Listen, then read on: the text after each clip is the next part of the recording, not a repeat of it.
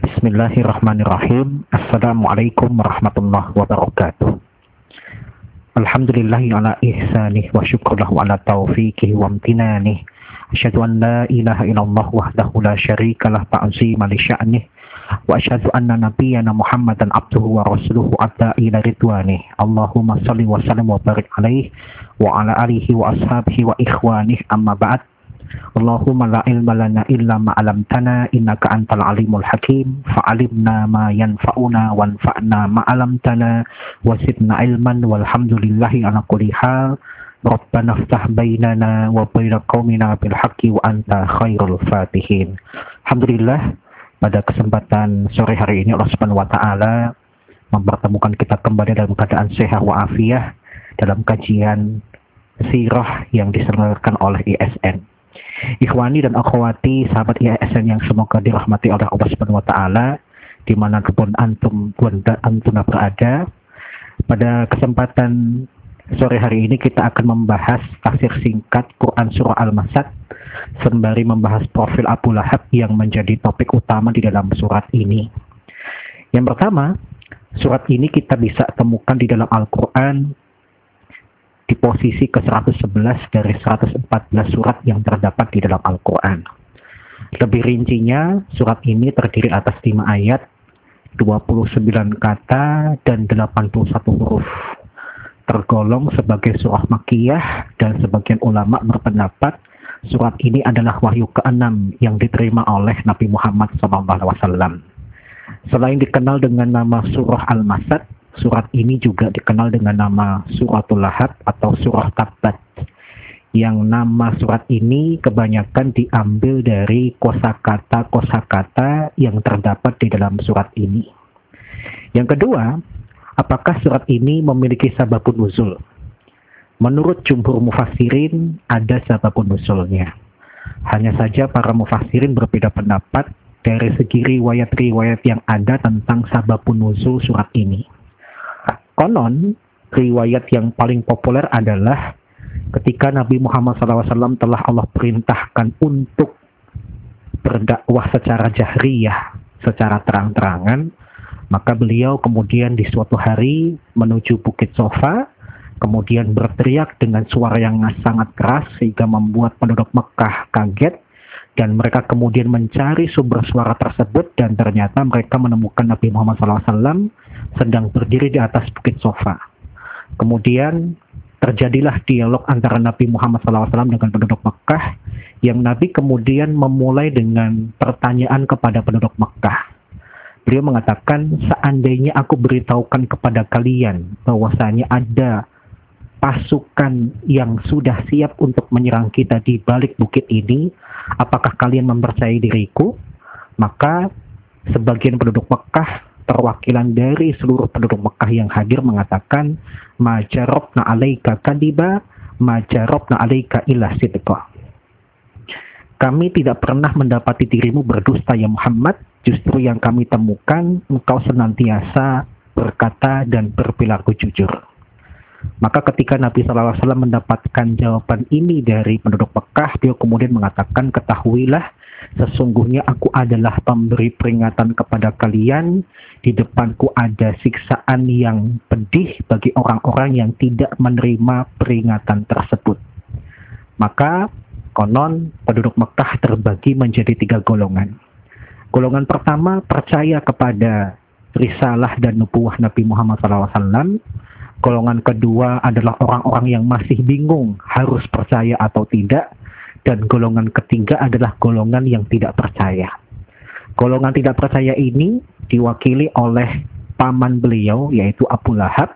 Yang kemudian Abu Lahab khawatir jika didiamkan maka akan semakin banyak orang yang kemudian percaya kepada perkataan Nabi Muhammad SAW dan akhirnya Abu Lahab mendekati Nabi Muhammad SAW sembari mengumpat keponakan beliau dengan perkataan Tabban laka ya Muhammad alihada jama'atana tabban laka sa'iral yaum.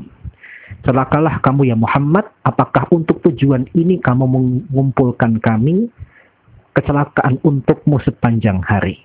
Maka diperintahkanlah orang-orang Mekah untuk bubar karena Abu Lahab khawatir apabila orang-orang yang bingung tadi akan menjadi orang-orang yang percaya kepada perkataan Nabi Muhammad SAW. Peristiwa itulah yang kemudian menurut jumhur ulama menjadi sebab dari turunnya surah Al-Lahab ini. Kemudian yang ketiga, mari kita bahas makna yang terkandung di dalam surat ini ayat demi ayat. Yang pertama, A'udzubillahi minasyaitonirrajim. Bismillahirrahmanirrahim. Tabat yada abi lahabi wa. Celakalah kedua tangan Abu Lahab dan ia pasti celaka.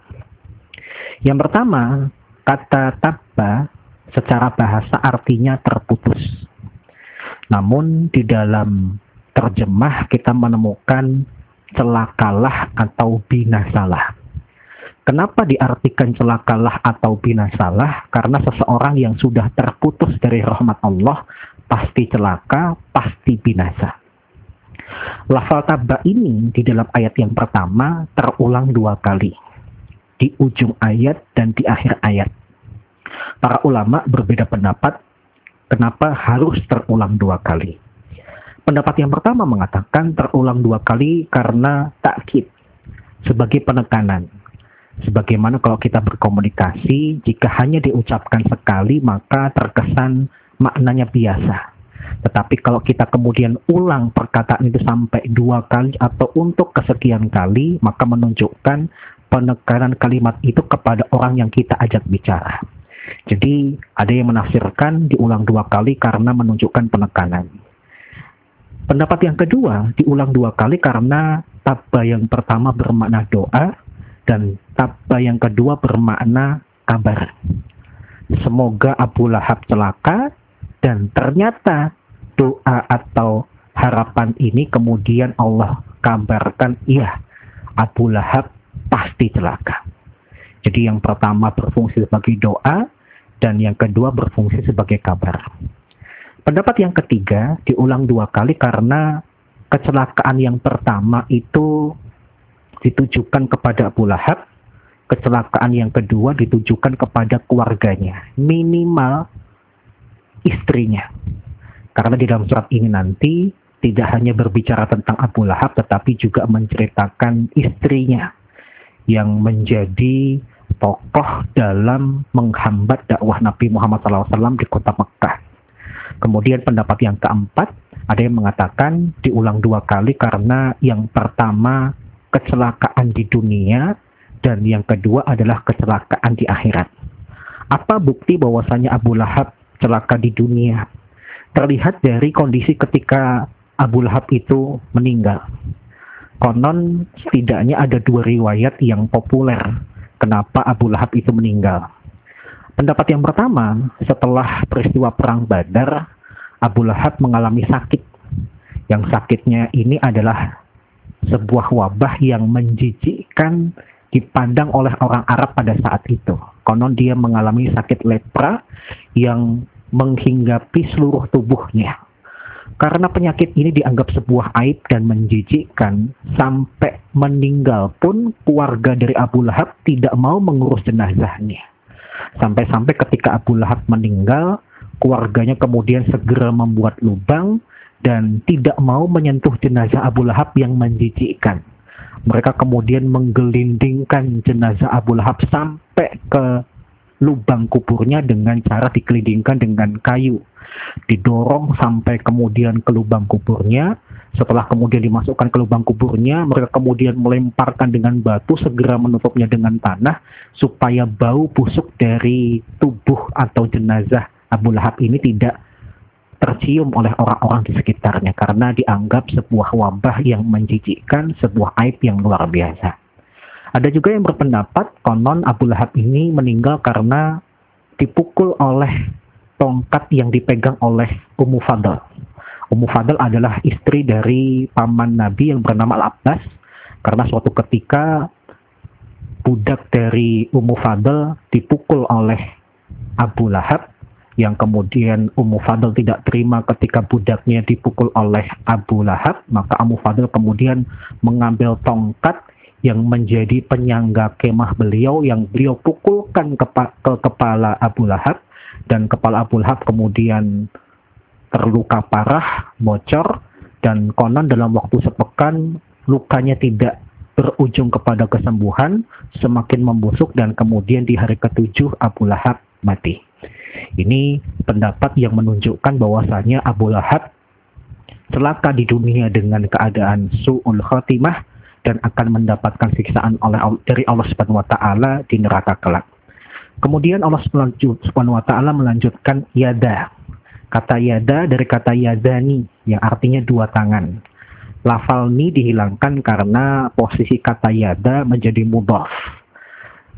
Kenapa Allah Subhanahu wa taala memunculkan kata dua tangan? Karena tangan adalah anggota tubuh yang mewakili sebuah aktivitas. Kita mengetahui bahwasanya ketika kita beraktivitas melibatkan banyak anggota tubuh, di antaranya adalah tangan. Mata telinga, lisan, kaki juga beraktivitas tetapi sebagai simbol sebuah aktivitas Allah Subhanahu wa taala kemudian menyebutkan salah satu anggota tubuh yang paling terlihat ketika kita beraktivitas adalah tangan. Kenapa Allah Subhanahu wa taala menggunakan nafal tangan sebagai perwakilan atas aktivitas Abu Lahab dalam menghambat dakwah Nabi Muhammad SAW.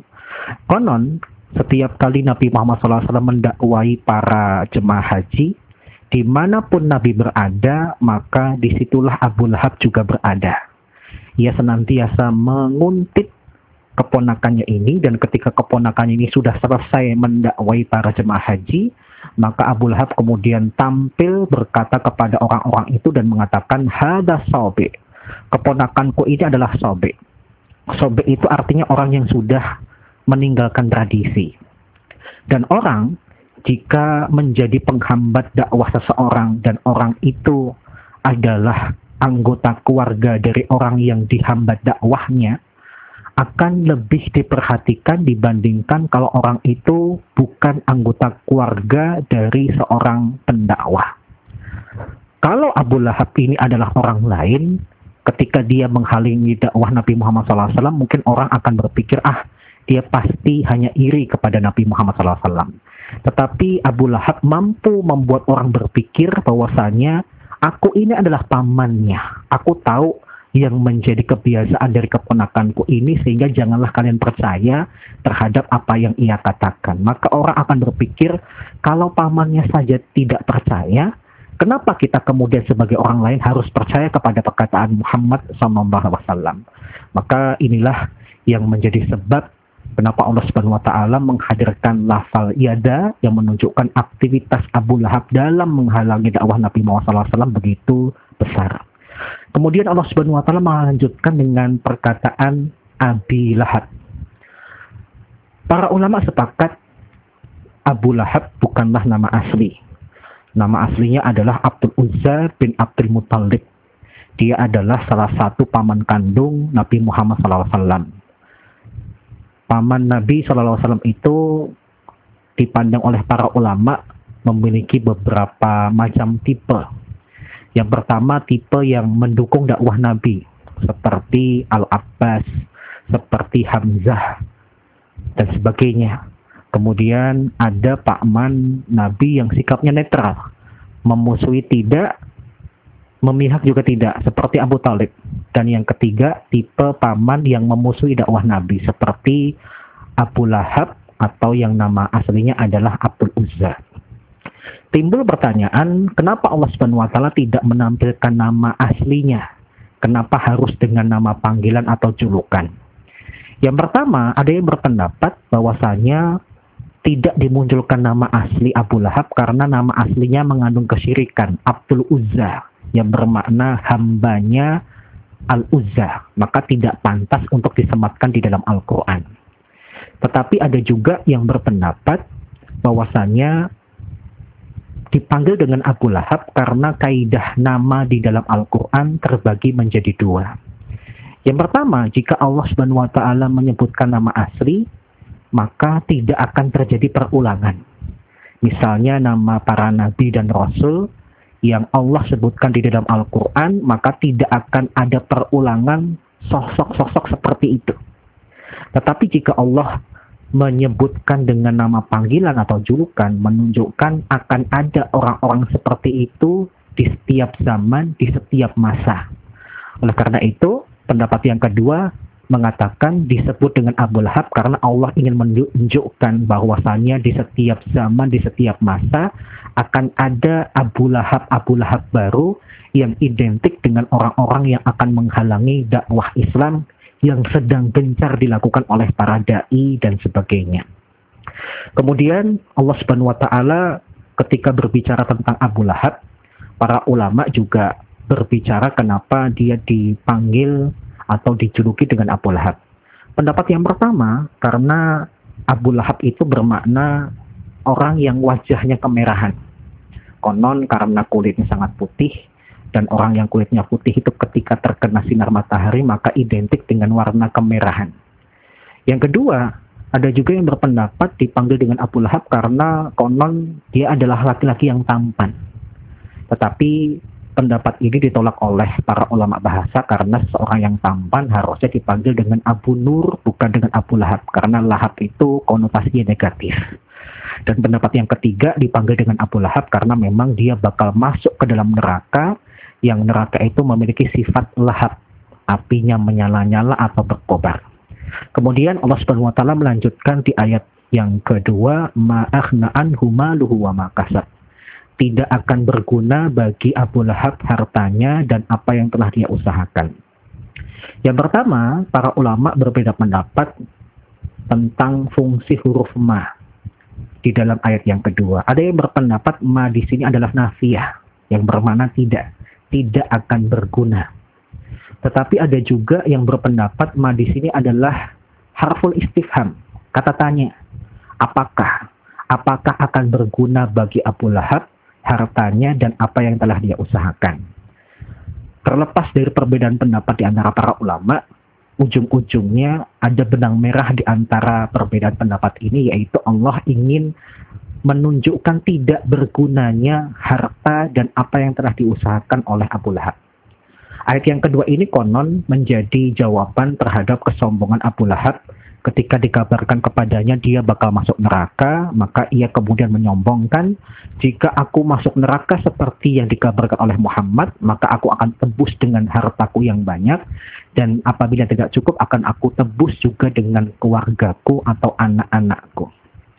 Maka sab di sini disepakati oleh para ulama artinya anak. Kenapa? Karena ada sebuah perkataan al-walad min kasbil walid anak itu adalah hasil usaha dari seorang ayah. Kemudian Allah Subhanahu wa taala melanjutkan saya naron talahab. Dia akan masuk ke dalam neraka yang apinya bergejolak, apinya menyala-nyala. Yasla maknanya adalah masuk dan kepanasan. Karena orang yang masuk ke neraka nanti terbagi menjadi dua. Yang pertama masuk kepanasan dan yang kedua masuk tidak kepanasan. Masuk kepanasan adalah orang-orang yang menjadi penduduk neraka asli. Sedangkan masuk tetapi tidak kepanasan adalah pihak-pihak yang bukan penduduk neraka asli. Seperti malaikat penyiksa di dalam neraka atau anak-anak kecil yang mereka meninggal ketika mereka Allah perintahkan masuk ke dalam surga, mereka kemudian mengatakan, La nadkhul jannah hatta ya'tiya aba'una wa ummahatuna. Kami tidak akan masuk ke dalam surga sampai ayah dan ibu kami juga masuk ya Allah. Jadi anak-anak yang meninggal ketika mereka masih kecil, mereka kemudian memohon kepada Allah agar ayah dan ibu mereka juga dimasukkan ke dalam surga karena mereka ternyata tidak mendapati ayah dan ibu mereka di dalam surga alias ternyata justru berada di dalam neraka. Maka Allah berkata ketiga untuk ketiga ketiga, ketiga, uh, tiga kali kepada mereka dan jawaban mereka tetap sama sampai Allah kemudian menunjukkan rahimnya Allah kepada anak-anak itu dan mempersilahkan anak-anak itu pergi ke neraka menjemput ayah ibu mereka untuk masuk ke dalam surga bersama mereka. Kemudian Allah Subhanahu wa taala ketika mensifati api neraka yang akan menyiksa Abu Lahab tidak cukup dengan penggambaran api. Api itu sebuah gambaran di mana orang bakal terbakar dan tersiksa dengan sakit yang luar biasa. Kalau digambarkan dengan neraka atau api saja sudah luar biasa dahsyatnya siksaan itu. Tetapi Allah kemudian memberikan penekanan api yang bakal menyiksa Abu Lahab sifatnya adalah datalahab. Api neraka ini sifatnya menggejolak, membara, berkobar, memiliki jilatan-jilatan api yang luar biasa. Menunjukkan betapa panasnya siksaan yang akan diterima oleh Abu Lahab. Wal Kemudian Allah Subhanahu wa taala melanjutkan wa mra'atuhu hammalatal hatab dan istrinya pembawa kayu bakar. Nama wanita di dalam Al-Qur'an yang Allah sebutkan di dalam Al-Quran hanya satu saja yang merupakan nama asli, yaitu Maryam. Sedangkan nama-nama wanita di dalam Al-Quran selain Maryam, maka Allah tidak pernah memanggil nama asli mereka. Contohnya adalah istri Abu Lahab sendiri yang dipanggil dengan Allah dengan nama Wamro'atuhu dan istrinya. Meskipun Allah tidak menyebutkan di dalam Al-Quran nama asli dari istri Abu Lahab, tetapi kita temukan di dalam hadis maupun kitab sejarah bahwasanya konon nama asli dari istri Abu Lahab adalah Arwa binti Harb yang sering dipanggil dengan panggilan Ummu Jamil. Yang Ummu Jamil ini ternyata memiliki sifat persis seperti suaminya, memiliki kebencian yang luar biasa kepada Nabi Muhammad SAW, Bahkan bukan cuma benci tetapi ia ekspresikan kebenciannya itu dengan tindakan-tindakan yang bertujuan untuk mencelakakan Nabi, menggagalkan Nabi dalam aksi-aksi dakwah beliau. Penggambaran istri Abu Lahab di dalam ayat ini unik. Kenapa? Karena Allah Subhanahu wa menggambari sifat istri Abu Lahab dengan hammalatal hatab, pembawa kayu bakar. Para ulama berbeda pendapat tentang makna pembawa kayu bakar. Yang pertama, ada yang berpendapat pembawa kayu bakar itu bermakna Ummu Jamil ini sering menyulut permusuhan antara para penduduk Mekah kepada Nabi Muhammad SAW. Jadi dialah orang yang sering mengajak penduduk Mekah untuk memusuhi Nabi Muhammad SAW. Ini tafsiran yang pertama. Tafsiran yang kedua, ada yang mengatakan Hammalatul Hatta pembawa kayu bakar karena dia pernah membawa kayu yang dibakar di malam hari untuk menerangi jalan yang akan ia tebarkan dengan duri dengan harapan jika esoknya Muhammad SAW melewati jalan itu maka kakinya pasti akan berdarah dengan duri-duri yang telah ia sebarkan di jalan yang sering dilewati oleh Nabi Muhammad SAW. Jadi kayu bakar di sini adalah penerang jalan yang dia gunakan untuk memberikan rasa sakit kepada Nabi Muhammad SAW. Kemudian yang ketiga, ada yang berpendapat pembawa kayu bakar adalah gambaran orang miskin. Konon Ummu Jamil sering mengejek Nabi Muhammad SAW sebagai orang miskin. Tapi Allah Subhanahu wa taala kemudian di dalam surat ini membalas justru yang bakal miskin, yang miskin hakiki itu adalah kamu wahai Ummu Jamil, bukan Muhammad SAW. Kemudian yang keempat, ada juga yang menafsirkan pembawa kayu bakar ini adalah gambaran tidak lazim di mana konon ada yang menafsirkan ketika Abu Lahab dimasukkan ke dalam neraka maka Ummu Jamil sebagai istri membawa kayu bakar yang akan menyulut api yang sedang membakar suaminya. Umumnya ketika seorang suami itu sedang tersiksa, maka istri akan berusaha untuk meringankan atau menghilangkan siksaan tersebut tetapi tidak dengan pasangan Abu Lahab dan istrinya, di mana istrinya justru menambah penderitaan yang sedang dialami oleh suaminya. Wal billah. Kemudian Allah menutup dengan perkataan fi jitiha hablum masad dan di lehernya terdapat tali yang terbuat dari masad. Konon Ummu Jamil pernah memiliki sebuah kalung yang begitu bagus dan begitu mahal yang kemudian dia hadiahkan kepada orang-orang yang mampu menghambat dakwah Nabi Muhammad SAW dan kemudian Allah Subhanahu wa taala memberikan balasan kepada apa yang telah dilakukan Ummu Jamil itu dengan memberikan kalung kepada Ummu Jamil di neraka tetapi bukan kalung yang sama persis seperti di dunia, tetapi kemudian kalung itu terbuat dari masat. Ada dua pendapat tentang makna masat. Yang pertama, masat bermakna serabut ada juga yang bermakna besi. Baik bermakna serabut atau besi, kedua benda ini adalah benda yang tidak bagus ketika dibakar. Jika kalung yang berada di leher Ummu Jamil itu terbuat dari sabut, maka sabut adalah benda yang mudah terbakar. Sedangkan jika bermakna besi, maka kalung yang digunakan oleh Ummu Jamil ini akan semakin membuat tubuhnya menjadi panas karena besi adalah penghantar panas yang baik. Wal billah. Kesimpulan yang bisa kita ambil dari surat ini banyak. Di antaranya adalah yang pertama, surat ini menggambarkan bahwasanya Islam bukanlah agama yang pilih kasih. Tidak mentang-mentang dia adalah keluarga Nabi, kemudian dia bakal masuk surga. Karena Allah Subhanahu wa taala sudah memberikan syarat kepada orang-orang yang masuk surga, pertama beriman, yang kedua dia beramal soleh kalaupun dia berasal dari keluarga Nabi tetapi dia tidak beriman dan tidak beramal soleh, maka dia tidak berpeluang masuk ke dalam surganya Allah, bahkan berpeluang besar untuk masuk ke dalam nerakanya. Yang kedua, surat ini kalau kita perhatikan berbeda dengan tiga surat sesudahnya yang diawali dengan kata kul, kata tambah. Kata para ulama, surat ini sengaja tidak digunakan lafal kul karena untuk menggambarkan kondisi Nabi ketika diejek oleh pamannya, dihina oleh pamannya, di mana Nabi diam saja setiap kali diejek dan dihina oleh pamannya. Para ulama mengambil hikmah bahwasanya tidak setiap ejekan dan hinaan itu harus dibalas. Karena hakikatnya ketika kita tidak membalas, Allah lah yang membalas. Tetapi ada juga yang mengambil kesimpulan Nabi tidak membalas ejekan dan hinaan dari paman beliau, karena kondisi kaum muslim di kota Mekah pada saat itu masih lemah. Berbeda ketika kaum muslim sudah berada di Madinah, mereka mampu untuk memberikan balasan kepada orang-orang yang menghina Islam.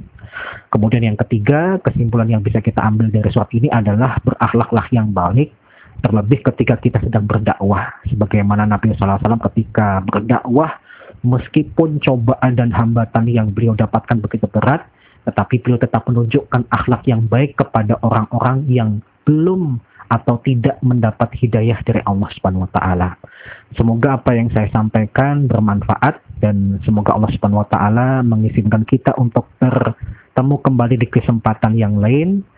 Barakallahu fikum. Wassalamualaikum warahmatullahi wabarakatuh.